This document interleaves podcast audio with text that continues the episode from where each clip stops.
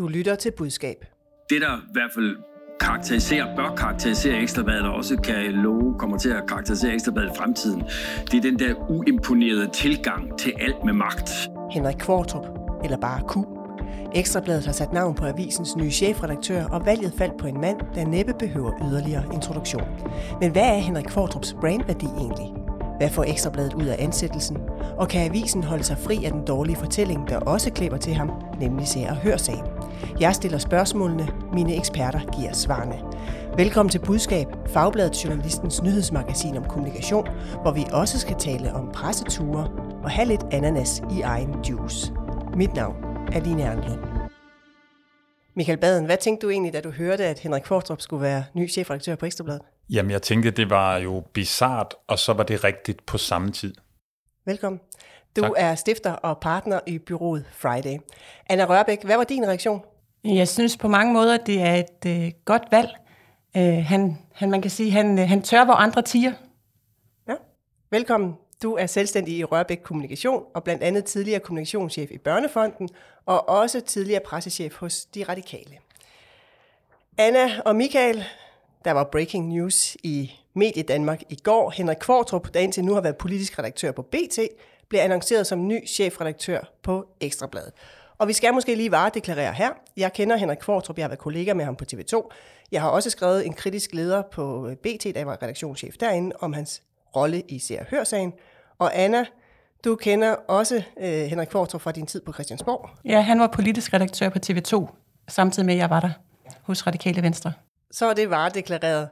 Og nu taler vi om kommunikation i det her program, og ikke presseetik, det skal vi lige holde os for øje. Så lad os dykke ned i kommunikationsbegreberne. Først branding. Michael, hvad er Henrik Kvartrups brandværdi? Ja, jeg tror ikke, jeg kan sætte kroner og øre på, men den er jo øh, høj og stor, fordi alle har øh, en holdning til Henrik Kvartrup. Øh, han øh, er jo en, der deler vandene meget, og det har han altid gjort, eller i hvert fald i mange år. Så han har, han har en høj brandværdi, men, men det kan jo være både med positivt og negativt for, øh, fortegn, så, så det vil jeg vurdere, ja. I går, da vi lige talte kort sammen, der sagde du, at du synes, han er Danmarks stærkeste mediebrand lige nu. Holder du fast i det? Ja, det gør jeg. Ja. I skal lige prøve at høre, hvad han selv øh, siger om det at passe sammen med Ekstrabladet. Vi skal på ingen måde have nogen overdreven sådan respekt for eliten i det her samfund. Det være sådan politiske elite, eller det være sig erhvervseliten, eller kongehuset for den sags skyld.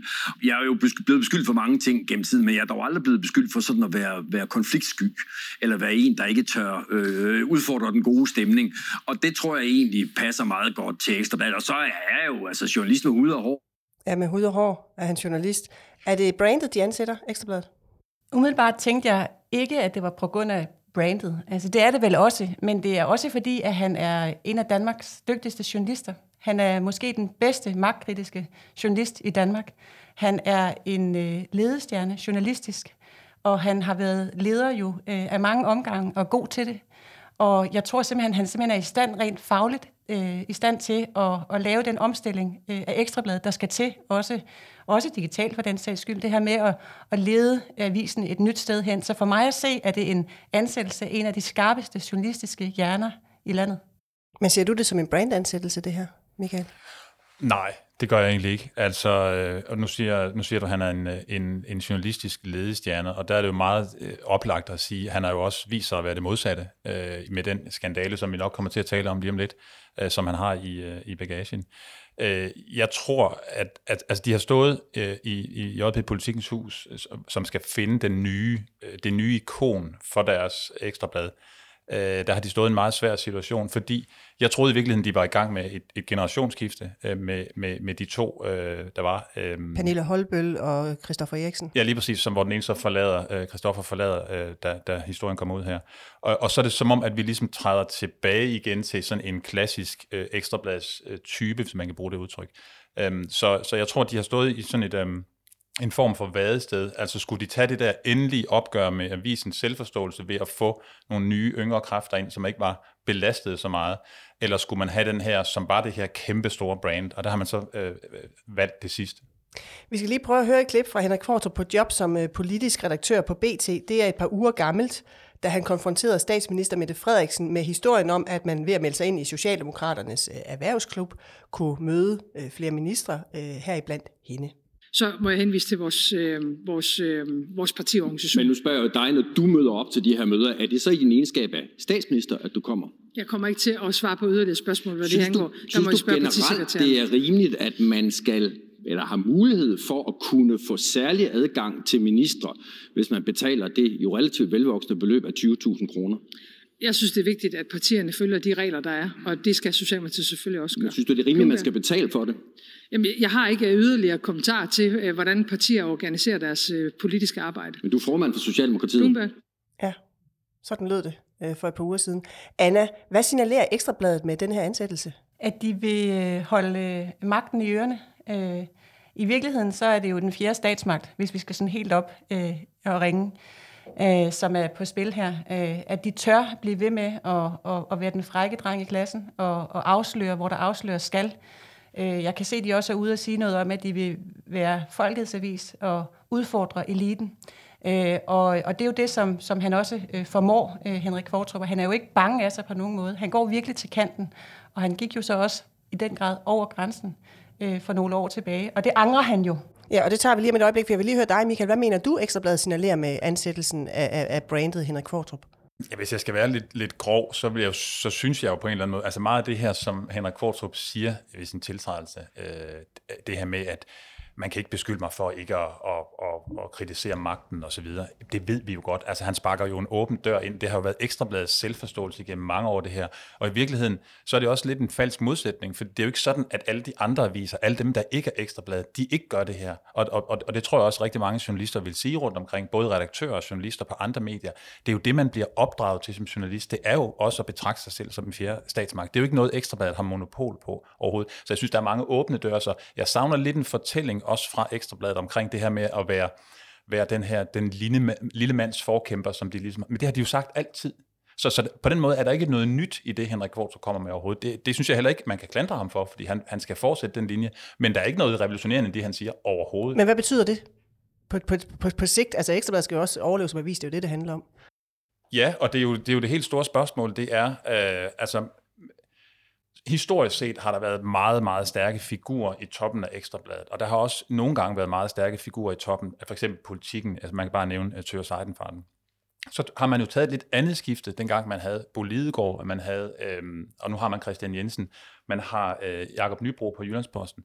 Altså folk i spidsen for et stort, stærkt medie, men de er ikke sådan bredt kendt Altså, og det er Henrik Kvartrup. Så det er jo en balance, man tager, når man vælger sådan en ansættelse. Får man et brand, som er så stærkt, at det overskygger, så at sige, projektet, at det overskygger den, den øh, kommercielle forretning, det også er. Og, og den afvejning er, er rigtig, rigtig svær, når man skal ansætte en chefredaktør. At man ikke, så at sige, tager alt det shine fra selve produktet. Men jeg hørte også sige, at et stærkt brand ikke nødvendigvis er nok i sig selv. Jamen det, det tror jeg ikke, det er, fordi nu, nu, nu sagde øh, koncernchef Stig Ørskov, han sagde, øh, at valget af Henrik Kvartrup, øh, det, øh, og, og hele Ekstrabladets rolle, det er det her med, med han citat, de mediemæssigt hjemløse. Og der er rigtig mange danskere, der er mediemæssigt hjemløse. Jeg er bare ikke sikker på, at de hører til hos Ekstrabladet. Altså, de kan jo være hjemløse rigtig, rigtig mange steder og finde hjem i forskellige medier, ikke nødvendigvis ekstrabladet. Så det er en kæmpe, kæmpe udfordring og mega svært for Kvartrup, det her. Anna? Jeg synes, der er en sjov krølle på halen her, også i forhold til den her ansættelse af chefredaktør, fordi før Paul Madsen, der var det jo faktisk Hans Engel, der var, øh, hvad hedder det, redaktør, Chef, ja. chefredaktør på Ekstrabladet. Og han kom lige fra Christiansborg, hvor han var kørt ind i en betonklods som partileder øh, for Konservativ Folkeparti. Øh, så det er meget sjovt det her med, at, øh, at han fik jo også en, en second chance øh, som chefredaktør på Ekstrabladet, og det gør Henrik Fortrup så også nu. Så lad os tale om den her second chance, fordi øh, ja, som I siger, der klæber stadig en dårlig sag til Henrik Kvartrup, nemlig ser hørsagen, hvor han blev idømt et år og tre måneders fængsel, efter han havde hyret den såkaldte tysk-tysk kilde til at levere oplysninger om kendte via deres kreditkortoplysninger.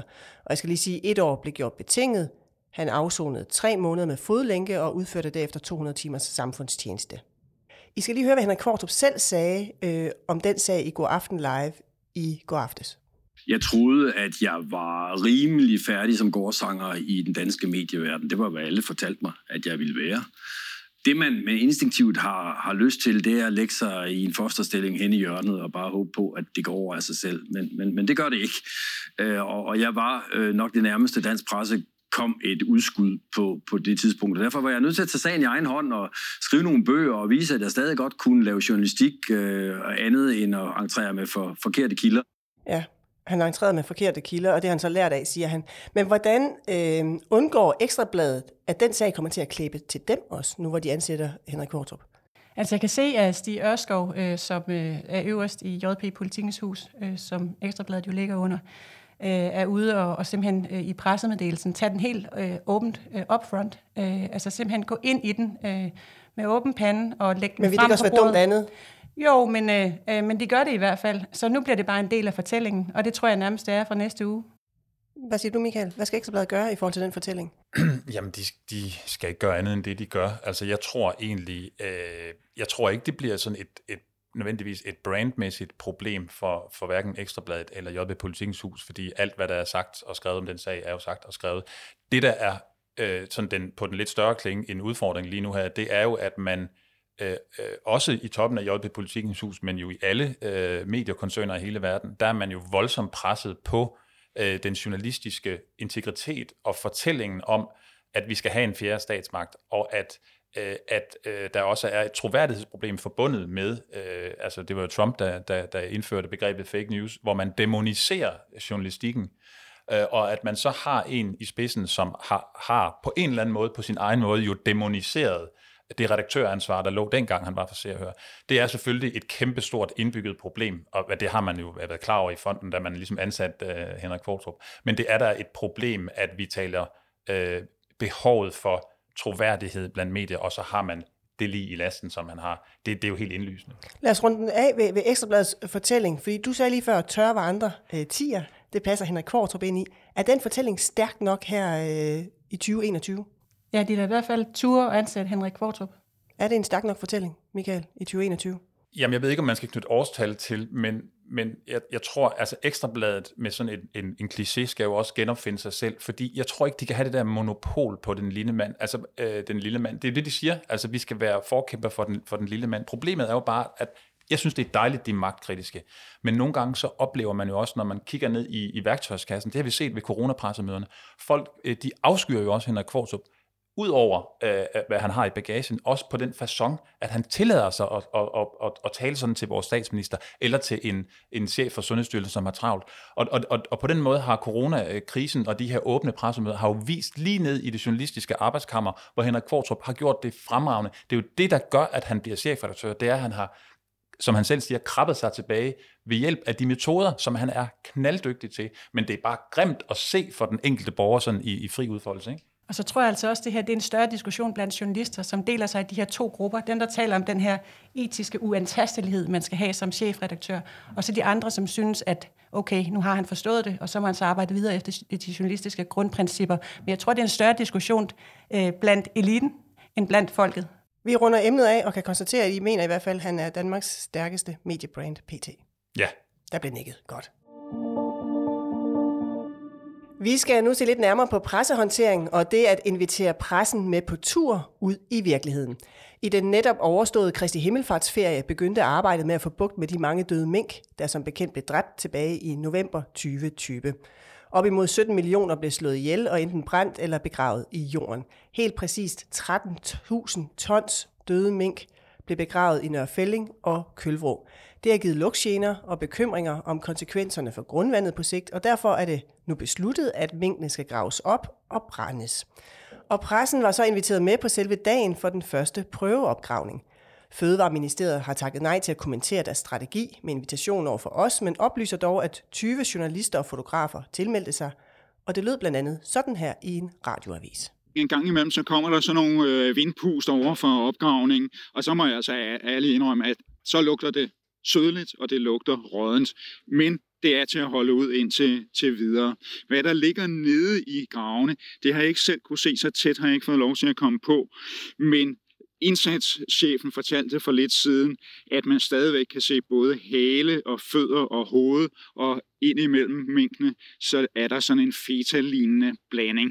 Ja, så blev det beskrevet i, i radioen. Anna, da vi talte sammen i går, der havde du slet ikke opdaget det her på øh, Kristi Himmelfartsdag. Hvordan kan en nyhedshund som dig miste? Fordi jeg holdt ferie, det var Kristi Himmelfart, og jeg fangede en gede.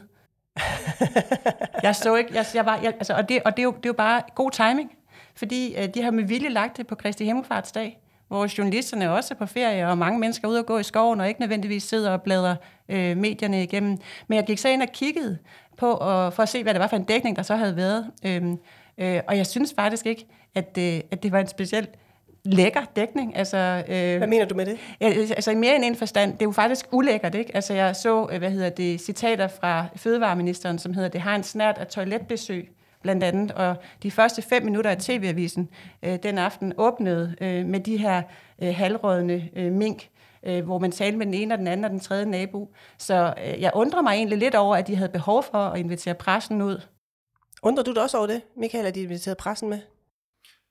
Jamen, jeg undrer mig over noget andet. Ja, det kan man godt undre sig over. Jeg synes, jeg synes øh, det er lidt nu, øh, lytterne af podcasten her, det er jo rigtig mange journalister også. Jeg synes, det er slap journalistik, at man tillader øh, det her, at man ligesom kommer næsten ud. Altså, man bliver inviteret på champagne, og så får man sådan noget lunken papvin, ikke? Vi kan ikke komme helt hen og se det. Jeg, jeg, jeg synes, at man skulle øh, på en eller anden måde have insisteret noget mere som journalist og som redaktør på at sige, hvis I skal invitere os ud og fortælle den her historie, så skal vi også tæt på øh, så tæt på, som det selvfølgelig er sikkerhedsmæssigt forsvarligt, men jeg kan ikke rigtig se, hvad der skulle være farligt ved at, at filme ned i sådan en grav af, af, af minkfeta der. Øh, og, og, det, og jeg kunne bare se de reportager, det kan vi også høre her, så står man sådan lidt over bag hegnet foregår der et eller andet, som vi er inviteret til, men der er ikke rigtig nogen, noget dokumentation. Men er det ikke godt arbejde? Er det ikke godt pressearbejde af Fødevarestyrelsen? Hvorfor skulle det være det? Det kan jeg ikke se.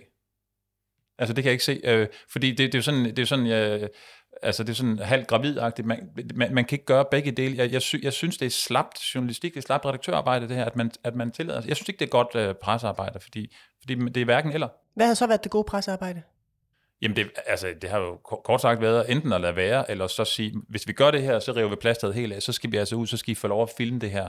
Øh, fordi det, der går jeg ud fra, har været hele intentionen med det her, det har jo været at sige, hvad er det, vi skal undgå? Vi skal undgå sådan en ny generationsforurening, eller en historie om en generationsforurening, en ny høfte 42. Det kan ikke nytte noget, at den her masse af mink ligger og forurener grundvandet i de næste 10 år, og derfor skal det op. Og så er det sådan set fint nok, at man vil vise åbenhed og sige, I må gerne komme med ud, men de kom jo ikke med ud, de kom ud til hegnet, og for at vide, om bag hegnet ligger de her mink.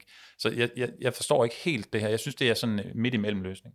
Hvad tænker du om det? Er det god pressehåndtering, øh, Fødevarestyrelsen har gang i? Altså jeg må indrømme, jeg kan ikke helt forstå, hvorfor de skal have ministeren med derud. For jeg synes bare ikke, det giver god mening at stille ministeren øh, ved siden af øh, mink i forrådelse. Altså det kunne have givet nogle frygtelige billeder, hvis det var, de var kommet tæt øh, på øh, Men det måtte de jo så ikke, det vidste vi. Øhm, når de nu inviterer dem med, øh, med, så synes jeg sådan set, at de har lykkedes med at kontrollere det fuldstændigt. Øh, altså selvom det har givet no, noget dårlig dækning alligevel. Altså jeg kan ikke se fordelen ved at have ens minister øh, i, i tv-avisen ved siden af nogle mink, der ligner fetaost, eller bare t- altså talen om, at mink ligner fetaost ved siden af minister. Så jeg tror ikke, jeg vil have taget ham med in the first place. Men når de nu får ham med, så gør de det så kontrolleret netop ved at sige, at journalisterne må stå der og der, og journalisterne de indordner sig. Og det undrer mig faktisk, at de ikke udfordrer det mere. Og især fotograferne. Når jeg har været afsted med, med, med pressen, øh, også til andre lande, så er det altid journalist eller fotograferne, som har været sværest for mig at styre, fordi de går altid til kanten og sørger for at få den rigtige billeddokumentation hjem. De havde brug for det billede af den mængde, der lå i den grav, for at vi forstod, hvor ulækkert og klamt hele misæren er. Ikke bare det her med opgravningen, men også den måde, det er foregået på. Men, men det, det, det vil sige, at jeg hører lidt en uenighed her. Altså, du synes faktisk, det er god pressehåndtering, fordi man får historien ud, men styret eller hvad? Jeg vil ikke have inviteret ministeren med. Det vil jeg ikke have gjort. Når han nu er med, så styrer de det. Så styrer de det rigtig flot. Og journalisterne burde have været mere offensive i, i deres øh, øh, lyst til at få afdækket den her historie, og ikke bare stå og være en mikrofonholder. Michael, hvad siger du til det med, at Anna faktisk synes, de styrer det godt? Jamen, det gør de jo, men i forhold til hvad? Altså, hvad er, hvad er der så at sige at styre? Altså, det, der er jo ikke nogen afsløring her. Vi, vi ved, at der ligger den her sump af, af, af mink, der er gået for råden, så vi ved, at det skal graves op. Det, altså, det her, det er jo en reportage, et reportageelement, vil jeg betragte som, som journalist. Øh, så så, så jeg kan ikke rigtig se, hvorfor, øh, hvorfor man ikke så at sige går, går hele vejen. Jeg er enig med dig i, det kan give nogle rigtig grimme billeder, men, men lad os få taget det plaster af på en eller anden måde. Og så i øvrigt, nu har vi lige snakket med Henrik Kvartrup, lad os da lige øh, forestille os den situation, at han er chefredaktør på Ekstrabladet, og så laver efterkritik hos en af sine ansatte, der har været helt derude, og så bliver stoppet hen ved hegnet. Øh, tror du, han gider have sådan en reportage i Ekstrabladet, hvor man øh, næsten er der? Nej, det, det, det håber jeg da ikke. Så, så de burde have været udfordret noget mere. Du siger det med Rasmus Prehn, altså øh, fødevareministeren, at ham vil du ikke have taget med derud. Det valgte de så at gøre, og stille op med ham. Vi skal lige sige, det var jo Mogens Jensen, der var daværende, fødevareminister, da mængden blev dræbt tilbage i november 2020. Han trak sig, Nu er Rasmus Prehn så ny minister. I skal lige høre et klip fra ham, øh, hvad han sagde ude ved opgravningen. Det optimale havde været at få det brændt af på afbrændingsanlæg. Øh, der viste sig så at være et kapacitetsproblem, og så var man nødt til at ty til den her løsning. Jeg tror, mange kunne ønske sig, at man kunne have undgået det, men det var den beslutning, man traf på det tidspunkt, øh, også under voldsom pres. Øh, det har der så været voldsom kritik af, og der har også været en øh, usikkerhed på, giver det miljøproblemer og andet. Og derfor så har vi truffet den beslutning bredt i Folketinget, at vi skal grave det her op, sådan så vi eliminerer enhver risiko, og borgerne her i øh, Nørrefælling får deres område tilbage. Ja, Anna, de tog så Rasmus Prehn med derud, selvom du ikke vi har gjort det. Hvordan slap de så afsted med det? Altså, de har ham jo, øh, jeg kan se, at indsatslederen, øh, indsatschefen i Fødevarestyrelsen, han står lige ved siden af hele tiden og tager også en del af spørgsmålene, og de får skubbet ham rigtig fint i front meget hurtigt.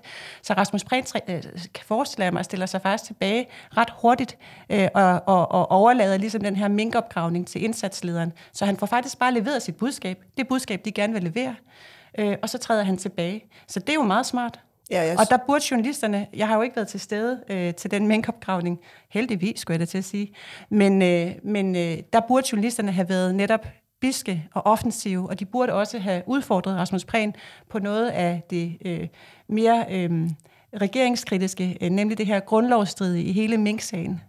Jeg skal så lige sige, at Rasmus Prehn stillede faktisk også op til Godmorgen Danmark, øh, fra ministerbilen, hvor han var på vej derud, hvor de havde en forbindelse igennem til ham og stillede nogle spørgsmål, og der var også nogle kritiske spørgsmål i blandt, skal jeg lige være, være, være retfærdig at sige. Men Michael, du er jo vant til at træne øh, talspersoner. Øh, man kan jo kalde dig ekspert i, i, i, i den slags. Hvordan vil du have trænet ministeren til det her møde med pressen ude ved minkene? Jamen, i de klip, I, I viser, eller som vi hørte lige før, der, der har man den der sproglige øh, distance, men Øh, og det er jo lidt sjovt at høre, at, øh, at man gør det øh, på den måde, altså at han øh, på den måde lægger afstand til det. Så noget af det, vi kigger på, når vi, når vi træner folk, som skal ud i det, det er jo en svær kommunikationsdisciplin, fordi hvor meget kaster man sin forgænger ind under bussen. Øh, men vi taler meget, eller, eller fokuserer meget på det her med, om ens sprog er, er ekskluderende eller inkluderende. Så, så jeg havde nok... Øh, trænet ham især i det der med, hvor lægger vi den passende afstand til det, som ens forgængere har, har gjort, ikke? De, de, de beslutninger. Jeg synes, han gør det egentlig okay her, fordi han siger, at øh, de var under et voldsomt pres dengang, altså et voldsomt tidsmæssigt pres, og kapacitetspres, fordi man simpelthen ikke kunne få de her mink øh, øh, destrueret på almindelig vis. Så, øh, så jeg, ved ikke, jeg, jeg tror ikke, jeg kan sige specifikt, om der var en eller anden silver bullet, der lige øh, skulle, øh, skulle have været øh, afleveret der, men, øh, men ja, han, han gør det efter omstændigheden okay, synes jeg. Ja, ja, så styrker det rent faktisk ministeren, at han tropper op derude? Jo, men det er jo en iscenesat begivenhed, det er også det, jeg var inde på før, og derfor synes jeg, at, øh, at øh, ja, altså, det, det kan det sagtens gøre, og, og, og det er jo vigtigt, at de får vist noget handlekraft. Det er det, det hele handler om, det er at få vist noget handlekraft her. Men, men øh, og, og, og der er sådan lidt, øh, der er lidt for meget øh, skødehund øh, i stedet for vagthund over pressen her, synes jeg. Og så er det interessant at se, hvad det er for noget tøj, han er på. Jeg så på nogle af de billeder af ham, hvor man netop ikke kommer helt tæt på gravene, men hvor indsatslederen står ved hans side. Og så har han sådan noget øh, sådan nærmest jagtagtigt øh, tøj på, som, som passer sådan lidt godt ind i natursammenhængen, men stadigvæk ikke virker sådan netop ulækkert eller, eller øh, alt for sikkerhedsdragtagtigt. Øh, så han har virkelig også koreograferet sit tøj til at få taget netop de rette billeder. Sådan godsejer light? Ja, det, det er det. Og det er jo også en del af medietræning. Det er jo ikke kun et spørgsmål om, hvad man siger, det er også et spørgsmål om, hvordan man fremstår i forhold til sammenhængen. Ser det for eksklusivt ud? Og hvem står ved min side? Øh, hvornår går jeg på? Hvornår går jeg fra? Jeg vil lige have jeg præcis svar på, den her pressetur, de inviterer på Fødevarestyrelsen, havde I gjort det, eller havde I ikke gjort det, Anna? Jeg havde ikke taget ministeren med. Jeg Men tror, du havde jeg havde lavet turen? der vil jeg sige, det kommer jo an på, hvor mange henvendelser, der har været på den her minkopgravning. Der har været henvendelser, ved vi, fra Ja, så der har været en interesse, som de har været nødt til at håndtere og lægge en eller anden form for låg på og lave en eller anden kontrolleret sprængning af. Så i det henseende synes jeg måske, det er fint, at de laver en øh, så styret event, som de lykkedes med. Men jeg ville ikke have haft lyst til at have min minister ind i den her øh, øh, minkene vil have konsistens som fetaost. Det lugter af toilet sammenhæng. Nej. Hvad med dig, Michael? Har du lavet en pressetur på den her begivenhed, eller havde du ikke? Hvis jeg øh, var i ministeriet og blev spurgt til råd, så har jeg sagt, vi skal sørge for, at det ikke bliver det der lunkne papvin, hvis vi inviterer til champagne. Så tættere på, og så vil jeg have lavet de ganske glimrende embedsmænd klare den kommunikation. Det, det kan de godt, og det viste de faktisk også her. Og så skal jeg lige rette mig selv. Jeg fik sagt, at det var Fødevarestyrelsen, der havde inviteret pressen med. Det er det ikke. Det er Fødevareministeriet. Så er det på plads. Og jeg kan også lige tilføje, at Fødevareministeriet oplyser til os, at når journalisterne ikke må komme helt hen til selve opgravningen, var det af sikkerhedsmæssige årsager. Nu skal vi se nærmere på en sag, hvor det gik galt at invitere pressen indenfor. Det er et eksempel, som du, Michael, kalder legendarisk. Og til at fortælle den historie har jeg nu Jonas Skrøder med på en telefon. Velkommen, Jonas. Tak for det. Du er i dag kommunikationschef i Rema 1000, og du er også ekspert her i budskab ved Lytterne Vide. Og jeg skal lige sige tillykke med fødselsdagen. Det viskede Anna lige før, at du har fødselsdag i dag. Tusind tak. Dejligt, du vil bruge tiden på at være sammen med os. Jamen, øh, det er jo altid rart at få lov til at, at fortælle om sådan en gammel øh, grim sag her. Ja, for det, er jo- det er jo gode minder. Det vi skal høre om, det er tilbage i 2008, der var du øh, lige tiltrådt som kommunikationschef i Jysk. Turen til Bangladesh var arrangeret før du tiltrådte, skal jeg lige sige. Og du havde så inviteret en journalist fra Berlinske til at følge med til Bangladesh. Hvordan gik det? Jamen, øh, grunden til, at øh, hun var inviteret med, det var fordi, at Jysk havde øh, sådan et CSR-program kørende hos en leverandør dernede, hvor at, øh, de betalte fabriksarbejdernes børns skolegang. Så det var derfor, at journalisten var inviteret med. Men øh, det gik jo så sådan, at øh, da vi trådte ind på fabrikken, så det første, øh, vi så, det var, øh, det var en mand, en fabriksarbejder, der kom rullende med en anden tynd gult øh, farvestof, og uden øh, hverken handsker eller, eller maske på, og øh, hvad hedder det, farve på hænderne. Øh, vi gik videre rundt på fabrikken, der var øh, folk, der øh, kravlede på maskinerne og sådan ting. Så det var, det var jo alt i alt øh, en, en meget sørgelig oplevelse. Hvordan Øh, reagerede du i situationen? Øh, jamen heldigvis øh, på den måde, at jeg øh, er fokuseret på, hvad, hvad sker der her. Øh, jeg havde også den her CSR-ansvarlig titel, og jeg havde en, øh, en indkøbsansvarlig med. Så, så jeg reagerede på den måde, jeg sagde til, til journalisten, at øh, jamen, du må jo selvfølgelig øh, tage øh, billeder og, og gøre, hvad du vil her, og så, øh, så bliver vi nødt til lige at få et møde med fabriksledelsen øh, for øh, at få sat øh, stopper for, for vores produktionslinjer, og så, og så altså enten øh, ja, trække os altså direkte med det samme, men forhåbentlig få lagt en hurtig plan om, hvordan de kommer op i gear her. Det viser sig senere, efter alt det her var faldet til ro, at øh, fabrikken havde skiftet ledelse en måned før, så det var faktisk øh, det, der ja, gik galt. Altså, det viser i hvert fald, hvor, og det viser, hvor skrøbeligt det egentlig er derude, ikke også, at, øh, at der skal være så meget management på. Men da jeg læste artiklen, den ligger stadigvæk tilgængelig, kan jeg afsløre online. Hvis man går ind og googler øh, Jysk og Bangladesh, så kommer den frem, selvom den er 13 år gammel. Ja, ja, skal, altså, hvis man skal dumme sig, så skal man gøre det før internettet blev opfundet, har jeg fundet. Ja, men, men det, det gjorde du så ikke her. Og ved du hvad, Jonas, da jeg sad og læste artiklen, der giver du udtryk for, at du er chokeret, altså di- di- din egen øh, oplevelse af at være derude. Var det en del af din strategi, at du så var derude ligesom at omfavne øh, katastrofen, eller, eller forsøgte du i første omgang ligesom at sige, øh, prøve at redde den på en eller anden måde, eller hvad var din reaktion? Øh, jamen, den var sådan der. Altså, det er jo første gang, øh, jeg personligt havde rejst i, i sådan et land. Øh, og, øh, øh, og jeg vidste jo godt, øh, hvad vi øh, sådan cirka kom ud til. Det selvfølgelig ikke var ligesom i Danmark, men at det der, det var jo helt under vores øh, standarder. Øh, så min reaktion øh, var sådan der. Øh, og så havde jeg heldigvis også et mandat øh, til at, at kunne stoppe øh, produktionen med det samme, og så ringede jeg hjem til, til direktøren og sagde, at der er sket det og det, jeg har gjort sådan og sådan, og så må vi jo tage det, øh, når jeg kommer hjem. Øh, altså, jeg var jo helt ny, ikke også, men øh, så jeg blev nødt til at håndtere det her på den her måde. Og øh, det var han helt enig i. Øh, så man kan sige, at vi håndterede det jo egentlig rigtigt, øh, og øh, øh, den måde, det blev skrevet på i Berlinske, var, var fuldstændig fair af, af journalisten. Øh, der var ikke noget der. Øh, men det var jo en meget mærkelig sag. Jeg var ny. Øh, vi stod derude. Vi skulle være sammen i en uge. Vi boede på samme hotel, så jeg spiste sammen hver aften. Det var ikke sådan, at det skaber den hyggeligste stemning til aftensmaden og sådan noget der, det sker. Jonas, Men, øh... Jonas, vi skal lige have nogle reaktioner her fra studiet. Anna, du markerer. Øhm, Fra 2017 til 2019, der arrangerede jeg presserejser til 10 udviklingslande øh, for danske journalister, grupper af cirka 5-10 journalister. Og jeg var selv med i Colombia, Nepal og Sierra Leone med de her journalister, som skulle ned og se på børn, der havde det svært, ikke fik nok mad og var hjemløse osv. Og, øh, og fandt hurtigt ud af, at det er virkelig vigtigt, øh, og det du jo så også sikkert øh, blevet opmærksom på, øh, at øh, forventningsafstemme, og i virkeligheden også selv at have været der, før man tager journalister med. Fordi det er så anderledes, når man kommer til de her udviklingslande. Intet er, som man forventer det. Forholdene selv på en god fabrik er elendige i forhold til danske standarder. Så den her forventningsafstemning, og i den grad også den her klæden på af journalisterne, med at forberede dem på, at hvis de ikke har været steder som der før, hvad de kan forvente, når de kommer, så de simpelthen bliver afnormaliseret i forhold til danske standarder. Men havde det reddet dig, Jonas, hvis du havde været derude på en lille research-tur først? Øh, ja, jeg er helt enig i, øh, i, det, i det, hun siger. Øh, jeg havde jo, altså det længste væk, jeg havde været på det tidspunkt, det var nok på Kreta, sådan cirka, ikke også?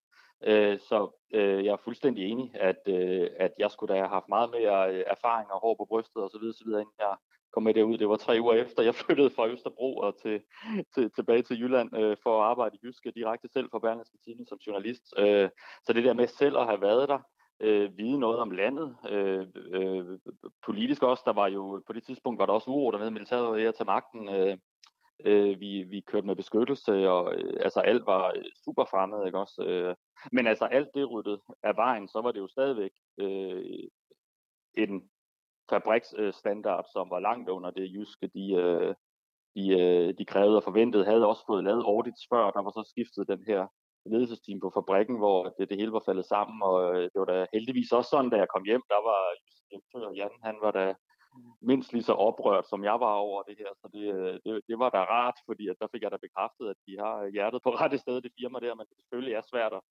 arbejde i, i de her lande. Ja, Michael, du husker jo det her eksempel, ja. og kalder det legendarisk. Hvad er det, du tænker om eksemplet? Jamen, altså, det er vel enhver pressechefs og pressemedarbejders øh, mareridt, at det her det sker. Og, øh, og, og det vil jo være et helt kapitel i sådan en, en bog om pressehåndtering. Øh, både øh, det, at det sker øh, og kan ske, det kan man sagtens øh, være meget kritisk omkring, at øh, så skulle man have forberedt A, B, C osv. Men også Jonas' reaktion på det, og det, at han har det mandat, som du selv sagde før, Jonas, at, at du sådan set øh, nærmest øh, lukker fabrikken. Og det, man kan bruge det til her, det er jo så, at øh, det er jo sådan... Øh, selvom det er en gammel historie, så er det et wake-up call for, at, at så skal man prøve at vende sådan en fuldblåen katastrofe til noget bedre, og det vil sige, at man rent faktisk også får det helt op på direktørens bord, og sige, det her, det må aldrig ske igen, fordi et er jo, at det bliver beskrevet, som det gjorde, nærmest live, men det andet, det er jo, at det kan ske. Det er jo det indbyggede problem, og der, og der gjorde Jonas jo det eneste rigtige, på, på, på trods af kun tre uger af jobbet, at så er det bare ind til fabriksdirektøren siger, det skal stoppe det her nu, øh, og ringe hjem og få det mandat, hvis ikke man har det i forvejen. Så det er sådan set også under omstændighederne fint håndteret, synes jeg. Øh, jeg tror ikke, det kunne ske i dag. I dag vil man simpelthen tilrettelægge det meget mere øh, detaljeorienteret. Anna? Det er måske fint håndteret et kommunikationsperspektiv, men hvis man kigger på det et udviklingsperspektiv, så gør det utrolig meget øh, skade. Fordi hvis man eksempelvis vælger bare at lukke sådan en fabrik der, fordi standarderne ikke var helt, som man havde forventet det, så kan det have fatale konsekvenser i lokalsamfundet og for de børn og mennesker, der er ansat på fabrikken. Og det er den, det er den øh, hvad hedder det, sammenhæng, som nogle gange er rigtig farlig, når man vælger at invitere danske journalister afsted til udviklingslandet. Fordi så kommer de hjem og dækker det i en dansk sammenhæng. Og så før man får set sig om, så har virksomheder lukket ned for deres øh, fabrikker, og politikere har lavet nogle øh, restriktioner i forhold til landene, eller hvad det end kan være. Det kan være frygtelig farligt, og også skadeligt i en større øh, bæredygtighedssammenhæng. Jeg er fuldstændig enig, og den blev også øh, lukket øh, kortsigtet, altså produktionen ned, fordi øh, jeg er fuldstændig enig, at vi, vi trækker os ikke. Og det kom der også nogle artikler efterfølgende med, hvor vi jo arbejdede positivt med at få forbedret de her forhold. Der var 20 kritiske punkter, tror jeg, jeg kan huske. Der var Øh, og så fik de øh, lynhurtigt rettet op på 10 af dem, altså de der øh, lavt hængende, altså få noget, noget værnemiddel og sådan noget på. Og der kom også et par kritiske artikler efterfølgende, hvorfor vi ikke bare helt stoppede, ikke også? Men der stod jeg altså fast og sagde, ved du hvad, vi skal ind og arbejde med det her, fordi jeg gider ikke være en af dem der, der bare vender ryggen til. Og, øh, og der stod vi op for det der, så der er jeg helt hvad er det vigtigste, du lærte, øh, udover at det var en dårlig oplevelse, hvad, hvad er det så det vigtigste, du lærte øh, dengang tilbage i 2008? Jeg har jo tænkt lidt over det, siden i Ringens Bundgal prøve at at beskrive det her, og altså sætte i bagspejlet, det, det var ikke noget, jeg lærte, men, men der havde jeg faktisk sådan, når jeg tænker over det flere år, hvor jeg var sådan ret, øh, næsten ikke bange, men man var ret skeptisk over for, sådan, hvad skal man sige, journalister i al almindelighed, der ringede og sådan noget. Det var helt bizart, altså både fordi jeg selv øh, kender en masse af dem, men også fordi, at, at journalisten derude, hun beskrev det jo fuldstændig rigtigt, men jeg blev sådan meget sådan brændt barn i nogle år. Øh, så, så det vil jeg ikke have lært, men det var i hvert fald bare en, en konsekvens af det. Øh, ellers så øh, har jeg jo man sige, lært, at, øh, at det er meget vigtigt, øh, både det Anna hun sagde, altså med, med at få altså have noget indsigt selvfølgelig øh, i tingene, også selvom det er herhjemme i Danmark, ikke også? Altså, der er ikke nogen sådan easy måde at gøre, gøre de ting på, men også, øh, også at få sat nogle rammer op, fordi at øh, det var sgu lang tid at sidde derude nu. Men journalist, altså særligt i forhold til mine kolleger, jeg havde kvalitetschef, indkøbschef og sådan noget med, de vidste jo ikke, hvornår det her, hvornår bliver jeg måske interviewet, hvornår bliver jeg ikke, ikke? Så, så det der med at have, have sat en ramme op for tingene. Ja. Jonas Røder, tusind tak, fordi vi måtte uh, ringe dig op, og så må du have en rigtig dejlig fødselsdag. Jeg håber, du bliver fejret hele dagen. Tak, fordi jeg måtte være med. Øh, det var så lidt. Øh, Anna, din bedste råd, hvis du skal give øh, et rigtig godt råd til presseture, øh, hvis man vælger at arrangere den slags, udenlands, nu tager vi dig udenlands. Og være sikker på, at, øh, at de journalister, man øh, inviterer med, øh, kan forstå at fagne kompleksiteten i de her udviklingslande, og forstå forskellen i kultur.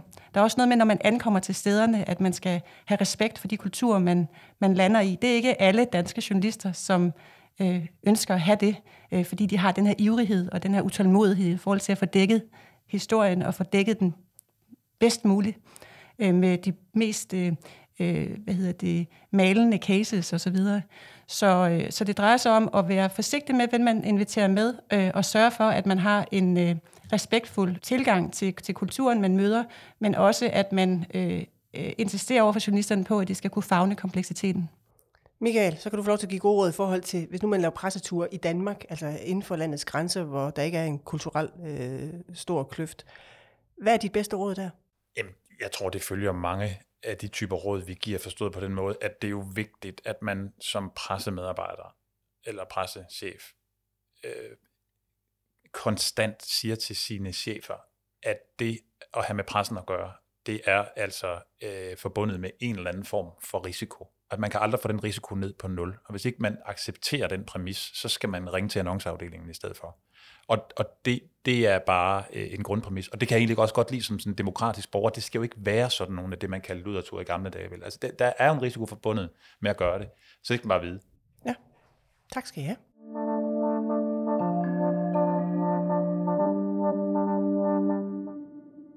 Vi skal runde af med lidt ananas i egen juice, fordi for et par uger siden, der talte vi her i budskab om VM i fodbold i Katar, og mulighederne for en boykot af slutrunden på grund af de grufulde beretninger, der har været i forhold til de øh, migrantarbejdere, øh, der er i landet, og de forhold, de lever under. Der er også ifølge The Guardian, britiske avis, er der 6.000, der er blevet dræbt i forbindelse med arbejdet med, med VM i fodbold. Vores eksperter, Mads Byder og Henrik Kjermgaard, blev udsat for en udfordring øh, af mig, for vi de råde en sponsor til at boykotte VM i det lys. Det fik dem til at komme med et alternativ bud, Henrik Kjermgaard sagde således.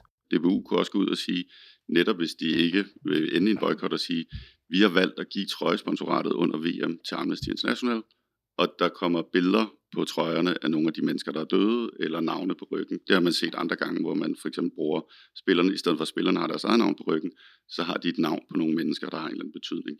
Der kan du godt gå ind og bruge det og sige, kan vi lave en statement ud af det? Ja, og i denne uge fortalte Arbejdernes Landsbank så, at de har forlænget deres sponsoraftale med DBU. De ønsker dog ikke at være synlige under VM i Katar, så frem Danmark kvalificerer sig. Direktør Gert Jonasen sagde sådan her det er jo ikke os, der kan sådan rent sagt styre, hvem der skal spille hvorhen eller hvorfor. Men vi kan aktivt vælge og så sige, det sponsorat, vi har, som jo vi jo forventer kan fungere godt her i, øh, i, øh, i Europamesterskabet her hen over sommeren, det vil vi jo bruge masser af kræfter på. Og skulle de så kvalificere sig til Katar og vælge at tage til Katar, det er DBU's beslutning, hvad de nu måtte gøre. Hvis de vælger at gøre det, så er det fint, så, øh, så vil vi bare bruge den trøjeplads, vi har, til at reklamere for, rent sagt, uh, Amnesty eller Human Rights, eller hvem det nu måtte være. Ja, Michael, hvad er læringen her? Jamen altså, det er jo... Øh det er, jo, det er jo virkelig svært det her, også for, for øh, direktøren her for, for Arbejdernes Landsbank. Øh, så læringen må vel være, at øh, man skal lytte til budskab, ikke? Altså fordi det, det var et godt råd fra Henrik der, og jeg tror nu, jeg tror de kommer til at give et ramaskrig, hvis der står Amnesty International på trøjerne øh, Øh, under VM i Katar. Øh, jeg synes, det er en fed idé, men det bliver jo også betragtet som en, en kontroversiel størrelse øh, i visse steder, Amnesty, fordi det i hvert fald på global plan jo er en organisation, der har lige så meget magt, øh, hvis ikke mere magt nogle gange, end, end nationer har. Så det tror jeg ikke kommer til at ske, men ideen er, er, er virkelig spændende. Ja, jeg skal jo så ikke kunne udelukke, at der er også andre, der har haft ideen, og de har hørt den andre steder. Øh, det, det, det tør jeg ikke øh, lægge hovedet på bloggen på. Men Anna, du har jo arbejdet som NGO. Hvad vil du sige, hvis du sad ved Det kan være Amnesty, det kan være Human Rights Watch, som han også taler om. Hvad vil du sige, hos, hvis du sad hos dem, og de fik den her henvendelse? Jeg kan se, at øh, DBU faktisk har brugt Amnesty som rådgiver i hele det her forløb. Så de har sikkert gjort sig nogle overvejelser om, hvordan de vil bruge den eventuelle annonceplads. Øh, jeg forestiller mig ikke, at de kommer til at lægge deres eget navn på, altså for eksempel Amnesty International som brand, som logo. Øh, men det kan godt være, at der vil komme et budskab. Øh, det er det, Henrik Kjærgaard også taler om. Ja, øh, og det kunne være i den sådan militære afdeling, verdensmål nummer 8, som handler om anstændig jobskabelse. Det bliver det nok ikke. Det kunne også netop være et navn på en afdød øh, øh, øh, arbejder fra Katar eller lignende. Øh, jeg er ikke sikker på, at Amnesty øh, International kommer til at tage imod den annonceplads, for det vil også være en eller anden form for indirekte accept af nogle forhold, som er modbydelige. Øh, så jeg er i tvivl om, hvordan NGO'en vil takke ja eller nej til den plads. Men grunden til, at Arbejdernes Landsbank ikke ønsker den, det er formodentlig fordi, at øh, danskerne øh, i forskellige meningsmålinger har, har, har sagt nej til, at Danmark overhovedet skal spille i Katar. Øh, og så er det sjovt at mærke, eller at høre også i det her klip, hvordan Arbejdernes Landsbank smider bolden videre til DBU, som smider den ned til kulturministeren, som smider den tilbage til DBU og, og, og frem og tilbage. Og nu har Amnesty International så åbenbart øh, også fået den lidt. Ja, men ideen, den lever, og vi må se, hvad det ender med. Michael Baden, partner i Friday, tak fordi du vil deltage i dag, og også tak til dig, Anna Rørbæk, du er selvstændig i Rørbæk Kommunikation.